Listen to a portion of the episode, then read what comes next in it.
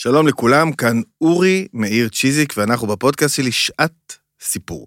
פודקאסט בו אני מביא בכל פרק טקסט אחד מהספרייה שלי, ספרייה של המרכז להנהגת הבריאות, מספר עליו ומקריא אותו. היום אנחנו בפרק 57, ובו אנחנו נקריא מהספר שיטת הערבה. זה, זה, זה שם קצת, אה, אתם יודעים, זה גם שיטת הערבה וגם שיטת מהשיטה, עץ השיטה שנמצא בערבה. נראה לי שלזה התכוון המחבר. בכל מקרה, זה ספר מחקר מאוד מעניין שהגיע לידיי בחודש האחרון. כתב אותו אה, חוקר בשם אה, לירון שני. אנחנו, שנייה, הוא יצא בהוצאת מכון בן גוריון, הוצאה לאור.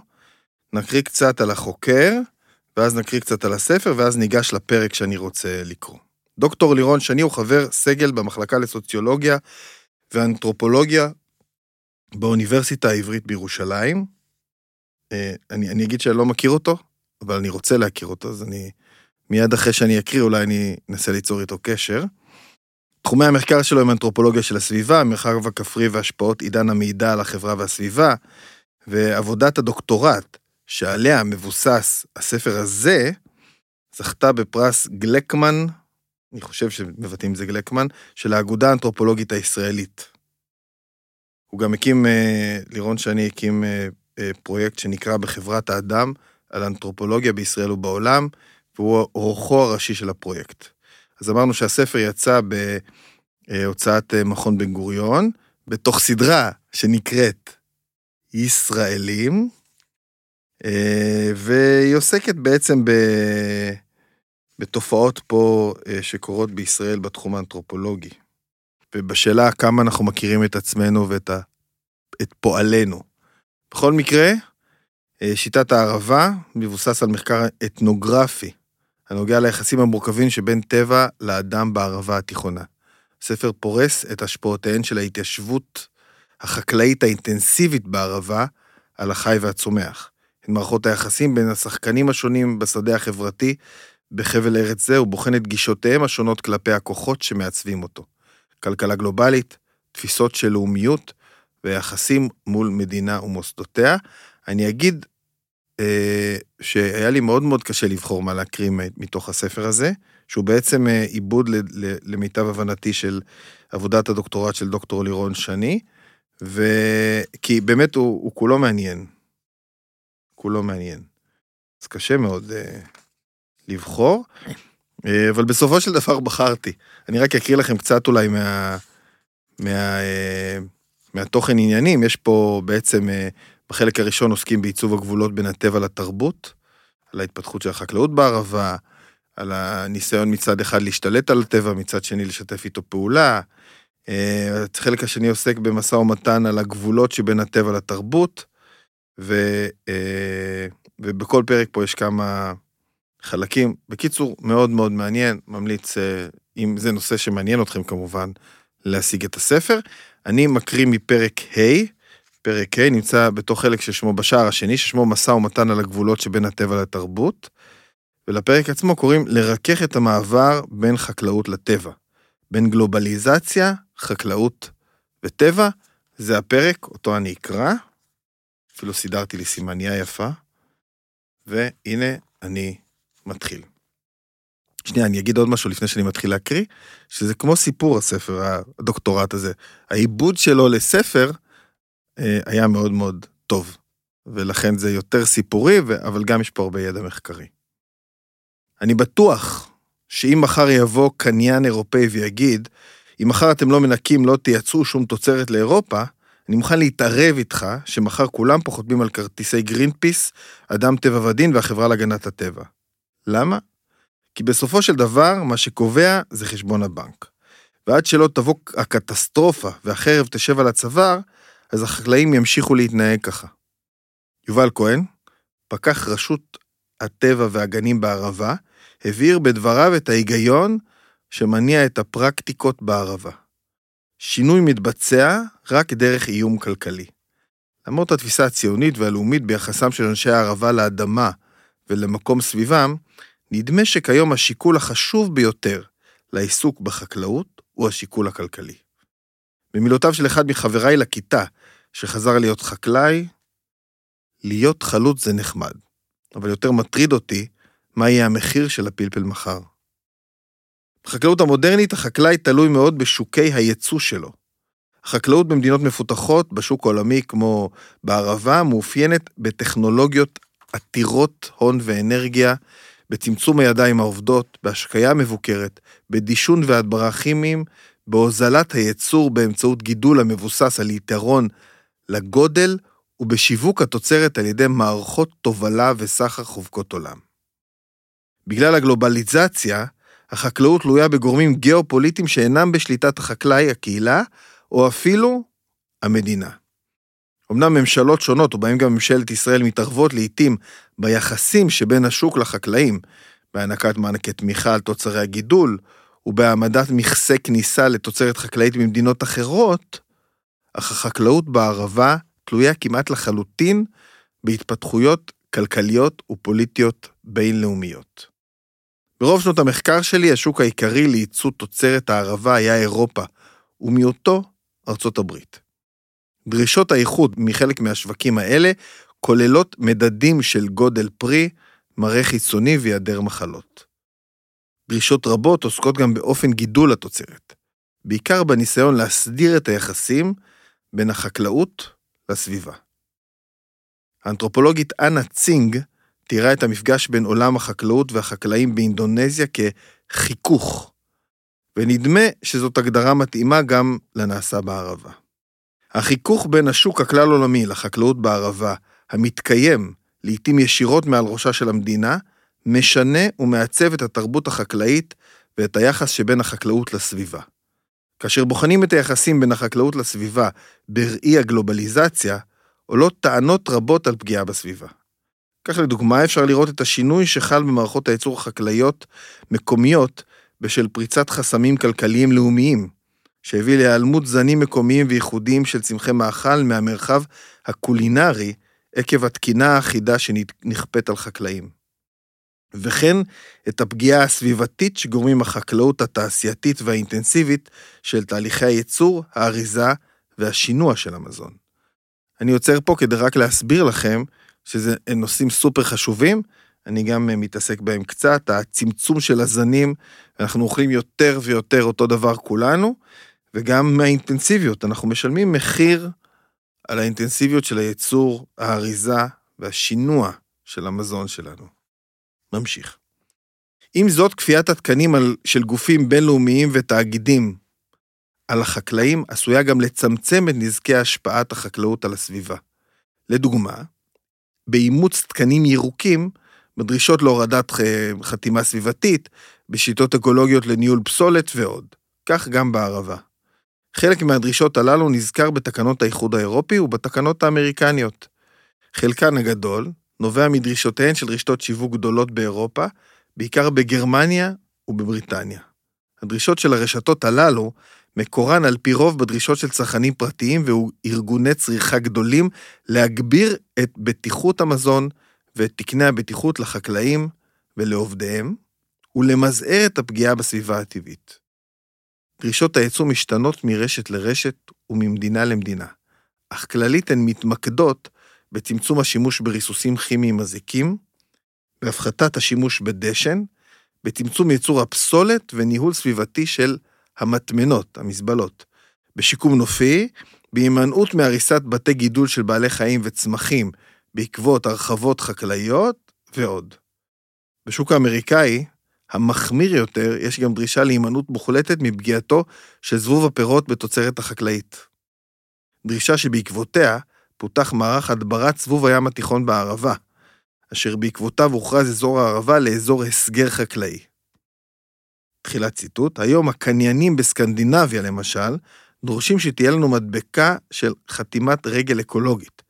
למרות שהם הכי מבזבזים, כי כל פעם שהם טסים לחופשות שלהם ב Christmas כדי לשזף את הציצי שלהם, אז הם מזהמים יותר.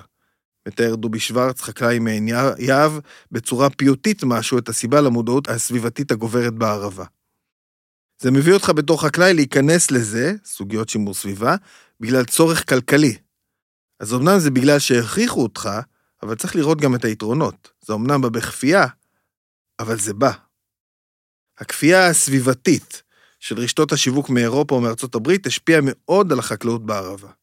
חקלאי הערבה הכניסו שינויים רבים בדרכי העבודה המסורתית שלהם בשל הצורך כלכלי. אך בתוך כך למדו להכיר את השיח הסביבתי ואף החלו לאמץ אותו. עם זאת, רובם נותרו ציניים כלפי המהלכים האלה, כפי שנשמע בדבריו של שוורץ, ואינם מאמינים במושגים אלה. כך נוצר הלחץ לשינויים בניהול הפסולת, בשימוש בחומרי הדברה, ובעיקר בעלייה, בעלייה במודעות לנושאים אלה. כפי שמציין בהיסוס גם יעקב נבו, אחראי הפסולת של עין יהב וחקלאי אורגני בעברו, שאמר בריאיון שערכתי איתו בשנת 2012, כל התקנים השונים של איכות הסביבה, שבשנים האחרונות נכפו על חקלאים בערבה אם הם רוצים לשווק את התוצרת שלך באירופה, נראים לי כמו כיסוי תחת. אבל מצד שני, זה יכול לעזור קצת. זה גרם לאנשים להבין שהם לא יכולים לעקור כל דבר ולרסס כל דבר, וצריך לרכך את המעבר הזה בין חקלאות והטבע. בערבה, וכן במקומות אחרים, הגורמים לשינוי לא באו מהחקלאים עצמם או מהמדינה, אלא נכפו על ידי תאגידים כלכליים בינלאומיים ומסגרות על-לאומיות כגון האיחוד האירופי. החקלאות בערבה היא חלק מחקלאות כלל עולמית, ואינה יכולה לחמוק מן ההשלכות של מצב זה. נבו טוען כי אנשים צריכים להבין שיש לרכך את המעבר בין חקלאות והטבע. כלומר, למוסס את הגבולות שבין הטבע לתרבות, בין השיטים לפלפל. החיים באה תפיסה זו לידי ביטוי במציאות החקלאית היומיומית, וכיצד? אחת הדוגמאות שעולה שוב ושוב בשיחות עם אנשי הערבה על ניסיונותיהם לרכך את המעבר ולהחליש את המתח שבין החקלאות לסביבה, היא ההדברה המשולבת. השילוב בין הדברה ביולוגית לחקלאות אורגנית. כותרת חדשה, הדברה ביולוגית משולבת. אחת מהשפעות התקנים הסביבתיים החדשים היא העלייה בשימוש בהדברה משולבת בערבה. הדברה משולבת, המכונה גם Integrated Pest Management, ניהול הדברה משולבת, משלבת הדברה כימית עם הדברה ביולוגית או טבעית, ומטרתה להפחית את השימוש באמצעים כימיים לא טבעיים ומזיקים. כניסת ההדברה הביולוגית לחקלאות בערבה שינתה את היחס האחיד של אנשי הערבה לחרקים ואתגרה את ההפרדה בין הטבע לתרבות ובין האנושי ללא אנושי. ביום חורף נעים בינואר יצאתי עם אורית, פקחית מזיקים, לסיבוב בחממות הפלפל שהיא אחראית עליהם בערבה התיכונה. אורית, דור שני לראשוני המתיישבים היהודים באזור בתחילת שנות ה-70, למדה לתואר ראשון ושני בפקולטה לחקלאות של האוניברסיטה העברית בירושלים, ולאחר שחזרה לאזור עם משפחתה, שאותה הקימה במהלך לימודיה, החלה לעבוד כפקחית מזיקים במשרה חלקית. תפקידה היה לזהות אילו מזיקים, כלומר חרקים ובעלי חיים אחרים, הגורמים נזק לגידולים החקלאיים, מצויים בשדה, ולהמליץ לחקלאי על טיפול מתאים להרחקתם. לאחר שנכנסנו לחממה מבעד לדתות כפולות המכוסות ברשתות, בניסיון למנוע כניסה של חרקים לחממה, התחילה אורית לעבוד. עבודת הפיקוח מצריכה בעיקר שימוש בעיניים. ואורית סקרה במבט ממושך את כל החממה והחלה לעבור בין שתי שורות צמחי פלפל. החום בחממה היה כמעט בלתי נסבל. מדי פעם אורית עצרה, בוחנת עלה, מציצה בפרח, בוחנת את הגבעול, מחפשת אחר נוכחות של מזיקים, או עכבות שהשאירו אחריהם. טאסקס, במונחיו של האנתרופולוג טים אינגולד. לבסוף, היא עצרה ליד אחד השיחים והצביעה על אחד הפלפלים בשיח. התכופפתי והבעתי מקרוב, אבל לא ראיתי כלום. אורית סימנה לי על החיבור בין הפלפל לשיח, ובקושי הצלחתי להבחין בסימנים כסופים העוטפים את החיבור. טריפס קליפורני, הסבירה. טריפס קליפורני הוא חרק קטן, גודלו פחות משני מילימטר. הוא נחשב אחד המזיקים הגדולים לפלפל ולעגבניות. הטריפס הוא מין פולש, כלומר, מי שהופץ בעקבות פעילות האדם מחוץ לתחום תפוצתו הטבעית, והצליח לייסד במקום אוכלוסייה המתרבה ומתפשטת ללא התערבות נוספת בידי האדם. הטריפס הוא מהגר ותיק יחסית בערבה. מוצאו אכן, מוצאו אכן מקליפורניה, והוא הגיע לישראל דרך אירופה בתחילת שנות ה-80, כאשר הורחבו שטחי החקלאות האינטנסיבית בערבה. הטריפס מזיק לצמח ישירות באמצעות כרסומו, שגורם להצבת העלים, התייבשותם ונשירתם, אך גם בנזק עקיף בהעברת מחלה ויראלית קשה. טומטו ספוטד ווילט ויירוס. בינתיים בחממות אורית מסמנת את הצמח הנגוע בסרט סימון צבעוני ועוברת הלאה. כמה ימים לאחר מכן אני חוזר לחממה זו, הפעם עם אסף, חקלאי שלא היא שייכת. אסף חדש יחסית בערבה, הוא מתגורר בה רק שבע שנים. במקור הוא ממרכז הארץ והגיע לאזור בשנת 2010 בעקבות בת זוגו מיכל, בת המושב, ודור שני לחקלאי המקום, שאותה הכיר במהלך לימודים לתואר במדעי המחשב באוניברסיטת תל אביב. עד לפני שנתיים הוא עבד עם עודד, אבא של מיכל, בן דור המייסדים של ההתיישבות באזור. ולאחרונה הם קנו משק משלהם, כ-50 דונם אדמה חקלאית, עליהם הם מגדלים 30 דונם פלפלים בחממות ו-20 דונם מטעי תמרים. אסף לוקח בקבוקון לבן קטן ומתחיל לפזר נקודות תחומות על העלים של השיחים, שאורית סימנה בחממה. ברגע שהנקודות נגעו בעלה, הן החלו להתרוצץ עליו מיד. הנקודות האלו היו האוריוס, פשפש טורף, שהוא האויב הטבעי של הטריפס, ונציג בכיר של שכירי החרב פרוקי הרגליים, אשר משתתפים במאמץ של חקלאי הערבה להתמודד עם הפגיעה בגידולים החקלאיים. גם האוריוס הוא מין פולש, חדש יותר מהטריפס. הוא נמצא בישראל רק 15 שנה, ולהבדיל מהטריפס, הוא לא היגר בטעות. האוריוס מגודל ומטופח במפעלים מיוחדים, והובא לאזור במטרה להילחם בטריפס. כלומר, זהו חרק תרבותי, המגודל באופן מסחרי בידי בני האדם כדי להילחם בחרק אחר שגם הוא הגיע לאזור בעקבות האדם.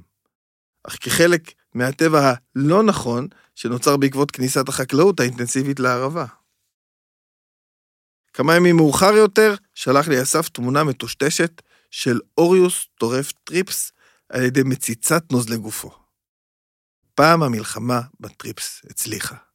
אחד השימושים הנפוצים בהדברה ביולוגית בערבה הוא השימוש באקרית הפרסימיליס, המוכרת יותר בשמה העממי, האקרית הטורפת. אחת המחלות המתפתחות בגידולי ירקות, בעיקר בפלפל ובעגבנייה, היא הופעתם של כתמים צהובים ולבנים על עלי הצמח עד להתייבשותם. מקור המחלה הוא תאוותה של אקרית הקורים, מין של פרוקי רגליים מיקרוסקופיים, לכלורופלסטים, החומר שיוצר את צבעי הירוק בצמח.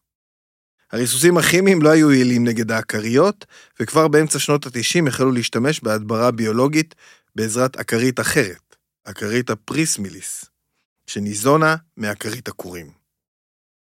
החקלאי מפזר על כל צמח את האקריות הטורפות מבקבוקון קטן.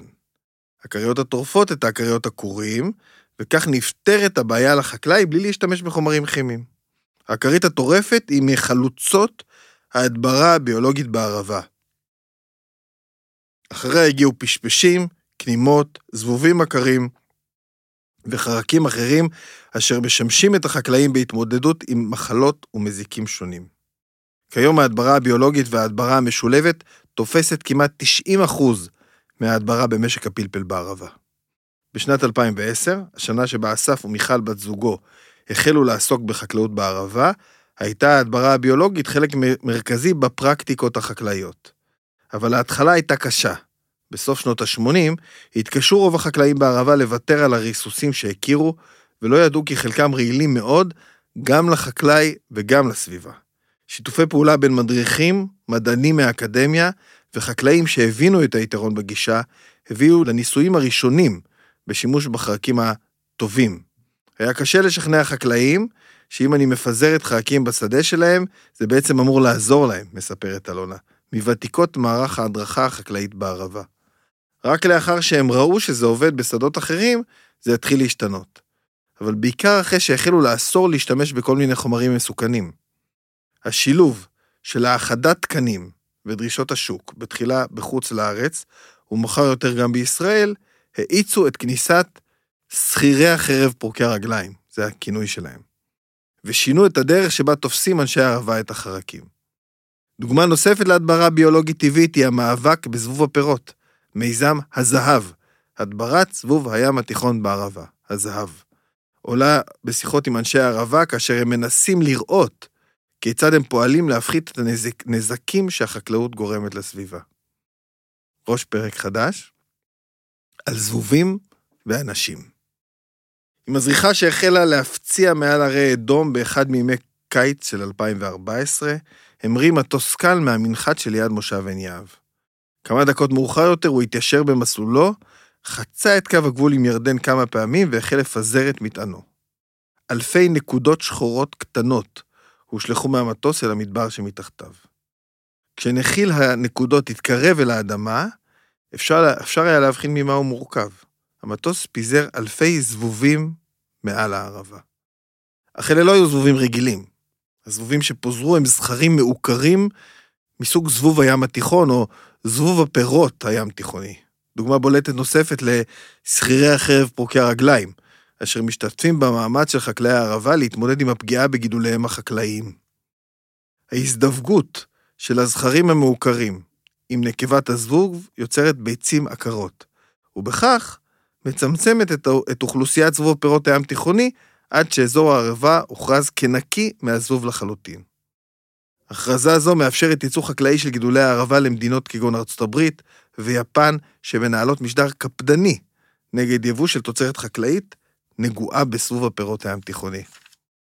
רוב בני האדם אינם אוהבים זבובים, וכך גם רוב תושבי הערבה. אך בעוד זבוב הבית נתפס כמטרד נסבל, וכחלק מתנאי החיים המקומיים עם החול, החום והמרחק ממרכז הארץ, זבוב הים התיכון כמעט לא הורגש באזור לפני הריסוס. מעטים ידעו שהוא בכלל חי שם, ובטח לא שהוא מזיק, עד שנכנסו לתמונה האמריקאים, והשאיפה הכלכלית לשווק אליהם את התוצרת החקלאית. למרות שמו, נראה שמקורו של זבוב הים התיכון הוא ממערב אפריקה, ולישראל הוא פלש כנראה בתחילת המאה ה-20. לערבה הוא הגיע עם התיישבות החקלאית של סוף שנות ה-60. אורכו הוא כחמישה מילימטר וצבעו חום צהבהב. לנקבה יש צינור הטלה דמוי מחט, שבאמצעותו היא קודחת בקליפת הפרי ומטילה בו ביצים מספר. הרימות בוקעות, מתפתחות, ובהגיעה לגודל של סנטימטר אחד, הן יוצאות מבעד לנקב הקליפה, נופלות על הקרקע ומתגלמות בתוכה. מהגולם מגיח הזבוב הבוגר. הביצים, הרימות והגלמים של הזבוב חבויים בפרי או באדמה, ורק הבוגרים גלויים וחשופים לטיפולי הדברה רגילים, ולכן קשה לטפל בו בריסוסים כימיים מקובלים. הזבוב נחשב לרב פונדקאים, כלומר הנקבה משתמשת במגוון רחב של פירות וירקות להטלת ביציה. בעולם ידועים מאות מינים של פירות המשמשים כבונדקאים לזבוב. הנזק העיקרי מבחינת חקלאים הוא בפירות ההדר ובפירות נשירים כגון אגס וגויאבה. אבל הזבוב משתמש גם בירקות כגון עגבנייה ופלפל, שבהם הנזק נראה לעין קטן מאוד. בשל יכולת הפלישה המרשימה שלו, נחשב הזבוב למזיק הסגר בכמה מדינות בעולם שהם יעד יצוא, וכאשר מזהים תוצרת חקלאית שהזבוב פגע בה, היא נכנסת להסגר ואף מושמדת. אבל בערבה, שחקלאיה נשענים בעיקר על גידולי פלפל, זבוב הים התיכון לא נחשב מזיק של ממש, עד שהחליטו לנסות לייצא אותו לארצות הברית. בתחילת שנות ה-90 החלו חקלאי הערבה להתעניין בשליחת תוצרת חקלאית לארצות הברית. עד מהרה התברר שאחד מתנאי הסף לקבלת אישור לייצוא לארצות הברית הוא הפחתת אוכלוסיית זבוב הים התיכון בתוצרת המיוצאת. עד שהאמריקאים לא אמרו לנו שיש בעיה של זבוב, לא חשבנו שיש בעיה. הוא אף פעם לא היה מזיק לפלפל. כלומר, ידענו מהספרות שפלפל משמש כפונדקאי לזבוב, אבל עד אז לא הרגשנו אותו, מתארת אלונה, שעבדה שנים ארוכות במערך ההדרכה החקלאי בערבה. אבל אחרי שהם אמרו, התחלנו לבדוק, עשינו ניסויים עם האקדמיה, וראינו שבאמת יש זבוב בערבה, ושהפלפל באמת פונדקאי, למרות שבקושי רואים את זה. כך, כדי לייצא הברית, הערבה הייתה צריכה להיפטר מהזבוב. לאחר דיונים, לחצים פוליטיים של אנשי הערבה ומאבקים אחרים, הוכרז הזבוב כמזיק ברמה לאומית, ומדינת ישראל הכריזה עליו כנגע בר ביעור. במילים אחרות, הזבוב שאנשי הערבה ראו בו מטרד נסבל, או התעלמו ממנו, היה לאויב מר, בעקבות לחצים כלכליים חיצוניים לערבה שהגיעו משווקי הייצוא. לקראת סוף שנות ה-90, עקב הרצון לשווק לארצות הברית, החל לפעול בערבה מיזם הזהב, הדברת זבוב הים התיכון בערבה, בשיתוף משרד החקלאות.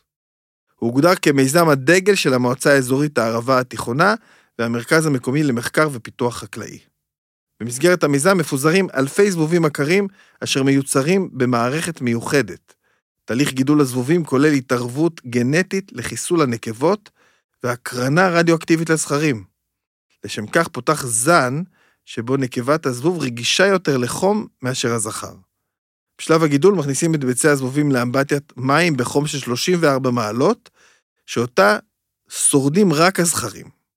ביצי הזבובים מגודלות על מצעי מזון מוצס, גדלות לזחלים ואחר כך לגלמים, וכל שלב מבוקר ומפוקח.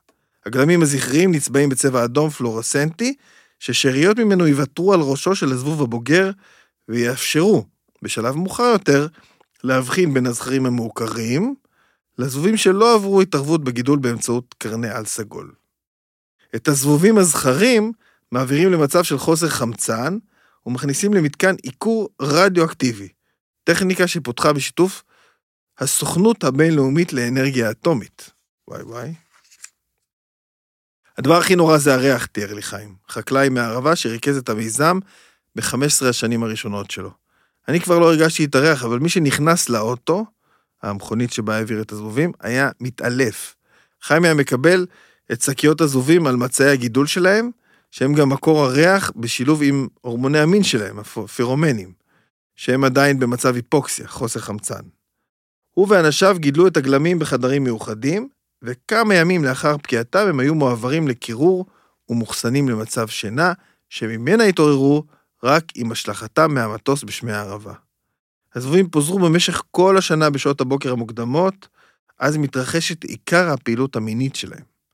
הזכרים פוזרו ביחס של כ-50 זבובים מעוקרים על כל זכר טבעי, כ-14 מיליון זבובים בכל שבוע, ותפסו בהדרגה את מקומם של הזבובים הטבעיים בהזדווגות עם הנקבות. הביצים שמטילה הנקבה בעקבות הזדווגות זו אינן פוריות, וכך הצטמצמה מאוד אוכלוסיית הזבובים בערבה. הזבוב התרבותי והעקר הביא להכחדת המין הטבעי שפלש לאזור בעקבות האדם ופגע בטבע האותנטי והמקומי. הזבובים מפוזרים משני אברי הגבול, בשיתוף פעולה עם ממלכת ירדן. המיזם מביא להפחתת האוכלוסייה המקומית של זבוב הפירות משני אברי הגבול עד לרמה נמוכה מאוד, אשר אפשרה ייצוא של פלפל ועגבניות לארצות הברית. המיזם השביע את רצון כל הנוגעים בדבר. חקלאי הערבה שהחלו לראות בזבוב הים התיכון מזיג המסכן את יצוא התוצרת החקלאית ושמחו להיפטר ממנו. האקולוגים ואנשי הסביבה שראו בזבוב מין פולש אשר מסכן את המערכת האקולוגית בערבה. המדענים שסברו כי זכרי הזבובים אשר נוצרו במעבדות באופן תעשייתי הם מהישגי המדע והטכנולוגיה, וגם המדינאים ופעילי השלום שראו בפרויקט הדו-לאומי הוכחה לשיתוף פעולה שחוצה גבולות ומדינות. גם המועצה האזורית ומשרד החקלאות התגאו מאוד במיזם, בייחוד בשיתוף הפעולה עם ירדן. הצלחתו הביאה להרחבתו לאזורים אחרים בארץ, בכלל זאת לשיתוף פעולה חלקי עם הרשות הפלסטינאית. אף כי בפועל שיתוף הפעולה עם ירדן הוא חלקי ביותר, ובשנים האחרונות כמעט לא קיים, זו עדיין אחד הפרטים הראשונים המתוארים בכל כתבה על המיזם או פרסום שלו. ואולי מה שעדיין מחזיק אותו בחיים כיום, כאשר כדאיות הייצוא לארצות הברית הולכת ופוחתת. המעקב אחר הזבוב מרחיב את הבנתנו כיצד גורמים כלכליים ופוליטיים משנים את מארג היחסים בין האנושי ללא אנושי. במקרה של זבוב הים התיכון, לחץ כלכלי לייצא לארצות הברית הביא לשינוי היחס כלפיו מהתעלמות להכרזת מלחמה. ולחץ פוליטי ממשיך את המלחמה כנגדו, אף שהצורך הכלכלי בה צומצם. מנגד, חרקי ההדברה הביולוגית שינו את יחסם של אנשי הערבה אל החרקים מניסיון להשמיד את כולם, את כולם, למערכת יחסים מורכבת יותר, שגם נעזרת בהם. לאחר הסיור בחממה יצאתי עם אסף, החקלאי הצעיר שפיזר את החרקים המועילים בחממות הפלפל שלו, לנשום קצת אוויר בחוץ. לפתע הצביע אסף על מטוס קטן שחג מעל שדות המושב. תראה, הנה החברים שלך, אמר. בעקבות ההתעניינות שלי בזבובים והעקרים שהוטלו מהמטוס. החברים שלך, החיילים שלי, הוסיף בחיוך. אף שהדברים נאמרו בהומור, התייחסותו של אסף לזבובים העקרים כחיילים שלו, משרטטת את מערך היחסים בין האדם לחרקים בערבה. המאבק במזיקים בחקלאות, שהחרקים הם חלק גדול מהם, מלווה על פי רוב במטאפורות הלקוחות משדה הקרב. בערבה שולט השיח המלחמתי, גם בעולם החרקים, והם מגויסים למאבק ההיאחזות בקרקע. זהו, אנחנו לא נקרא את הפרק הזה עד הסוף, אבל תדעו שהוא עוד ממשיך, והוא ממש אה, מתאר את כל המערכת הזאת. בכלל, כל הספר הזה מתאר את מערכות היחסים בין הטבע, הכלכלה, הפוליטיקה והאדם, אלו מערכות יחסים מאוד מאוד חשובות, כי בסופו של דבר, בעיקר כשאנחנו מגדלים אוכל, אבל גם בתחומים אחרים, אנחנו לא יכולים להסתכל רק על הרווח הכלכלי, אנחנו חייבים להסתכל על מערכות היחסים, על הקהילה, על הסביבה ועל הבריאות. הוא מתעסק הרבה גם ב... במערכת היחסים בין אה, האדם אה, לעצי השיטה בערבה. גם נושא מאוד מאוד אה, מעניין. טוב, זה היה הספר שיטת הערבה, אנתרופולוגיה של טבע, תרבות וחקלאות, שכתב, איבד מתוך הדוקטורט שלו לירון שני. זהו, סיימנו. אני מזמין אתכם לעקוב אחרי הפודקאסט וגם לעקוב אחריי ואחרי הפעילות של המרכז להנהגת הבריאות, גם ברשתות החברתיות וגם באתרים שלנו. אני אורי מאיר צ'יזיק, ואנחנו ניפגש בפרק הבא.